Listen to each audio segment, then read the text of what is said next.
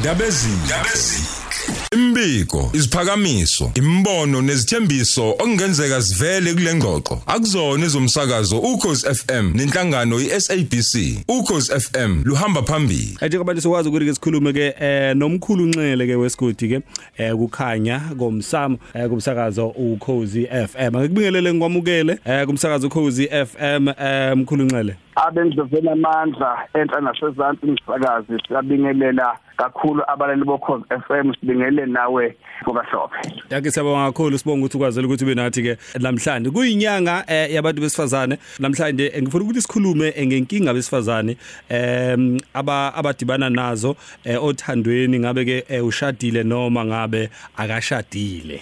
Mm, ayi uthinta indaba enkulu emfoka hlophe inkinga abesifazane. Kokuqala nje uma sikhuluma ngezinkinga abesifazane abadibana nazo sebeshadile. Uthola ukuthi kwesinye isikhathi sekuze eh, kungena ingcabano kungena idivorce kanti yinto abangazange beyinaka into yokuqala nqa umuntu wesifazane uma eseshadile usuke elindele izinto nje ezimbalwa ezibalekile izinto ezinjengokuthi uma esephumile kubo esefikile kubo komyeni wakhe kuzofanele ukuthi aphathwe kahle noma into zakhe zihambe kahle noma yonke into ayenzayo benomyeni wakhe ihambe kahle. Okunye kwakho uthola ukuthi akasabatholi abantwana. Abantwana mhlasimpe wamthola engakangeni emshadweni. Uma esefuna umntwana emshadweni sekuyinkinga manje usehamba odokotela wahamba abelaphi bendabuko ubuko akwenzakala lutho umntwana akasahlali. Kwesinye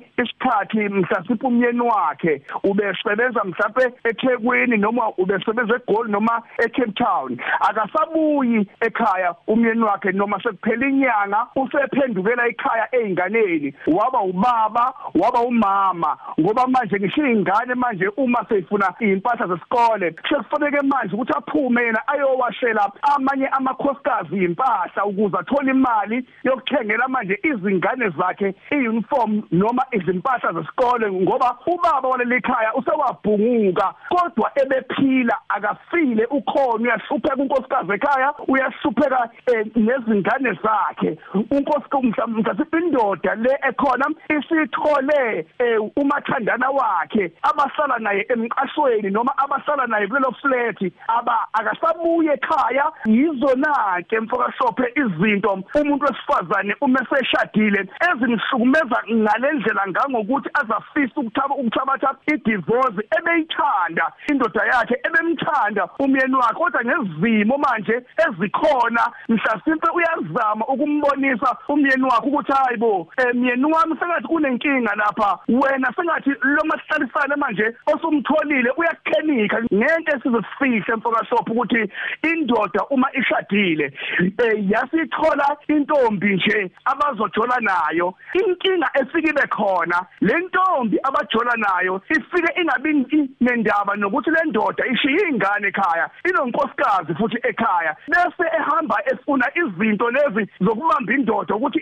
indoda izwe yena ingamuzwa unkosikazi. Yizo zonke izinto lezo kufanele umuntu owumama ngoba sikhuluma nje njengamanje lo msakazo omkhulu ukhoze FM azazi ukuthi ziyenzeka indoda uma isingasalifuni ekhaya kuyenzeka ukuthi vele isiyenziwe ngezinto ezimdaka ukuthi ngalifuni ekhaya. Kunjalo mfoka hlophe ngiyakuzwa eh, ukhuluma eh, ngezinto ukuthi enye indoda uthola ukuthi izenza nje lezinto hayi ngoba naku usuke ifuna yona ukuthi izenze. Izinto esuke yenziwe eh, ukuthi izenze. So manje umuntu njengamanje ulalele njengamanje wesifazane uyazizwa lezi inkinga oyibalayo inkinga anayo ukuthi ngizokwazi kanjani ukuthi ngibhekane naso lesi simo lezi inkinga lezi? Kulula washophe uma esenethuba lokuthi njengoba sikhuluma njengamanje elalele.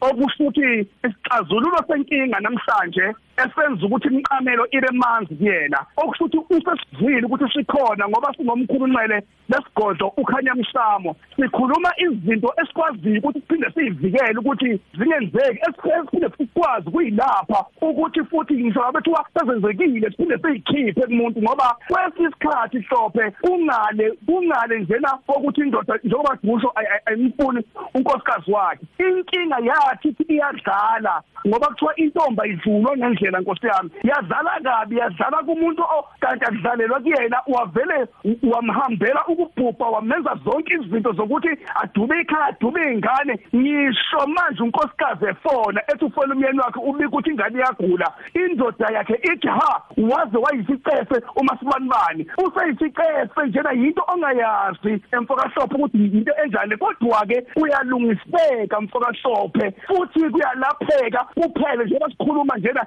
izinto esikwazi sizivikele siphinde siyilapha emfokahlophe yeah. Ngeke ngakuza ukukhuluma na nangale khona lebalekile eh yomuntu ongazitholi ingane ongabathula abantwana. Ey eh ezinye zeinkinga lezi abantu besifazane ababhekana nazo eh kakhulukazi abasemshadweni.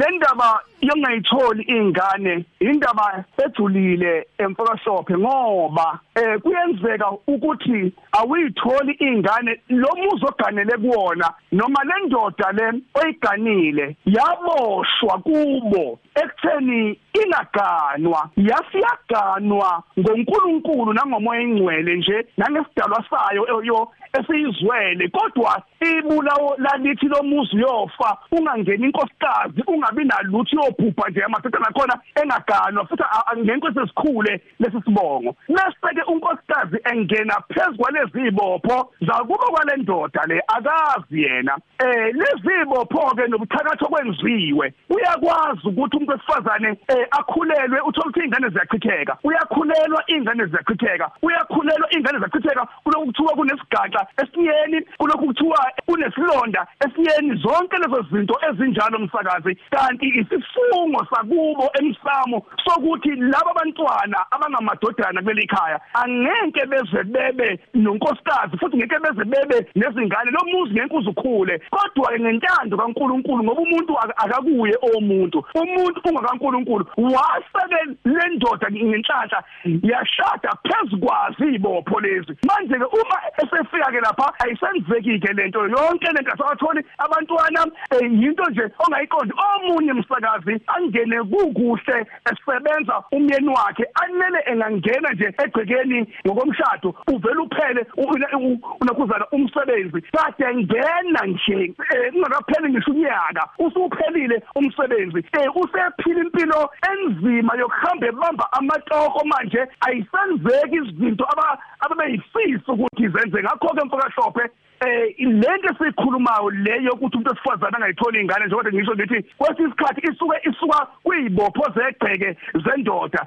Siyakwazi ukuthi futhi siphinde sikususe lokho sikulapho sibuyisele umsamo endaweni yawo nomuntu esifazana aqhubeka amthole umntwana ngoba umshado ingane isibusiso emshadweni ngoba imisu ingekho phela ingane emshadweni. Kusuke sekunzima lokho ngoba umshado mnandi ngokuthi sibuye phela sithethise la endlini sibuye sihubhe la endlini ukuthi hayibo masukwenza lokho umntwana masukwenza lokho umntwana. Uma sesobhekana sobabili la endlini umntwana esengekho muzi muni lowo. Kunjalo mfakahlophe Sibonga kakhulu isikhathi sakho namhlanje. Ngicela ungiphi inombolo la abantu bangakwazi ukuthi baxhume khona? Eh umkhulumelo wesigodi khanya msamo wasophe wasempangeni endaweni engaphansi kobukhosi bokwamzimela ubheke endlangubo otholakala njena ku 076 824 2433 076 824 2433 uFacebook page umkhulumele Instagram umkhulumele uTikTok umkhulumele Bonga kakhulu mkhulu. Siyathokoza. Thank you. Eh 142 sosikhathi sakho umsakazo ukhuze FM esikhuluma nomkhulu Nxele eh wesigodi ke ukukhanya ngomsamo. Noma kanjani ngevikeli zawo zobe khona?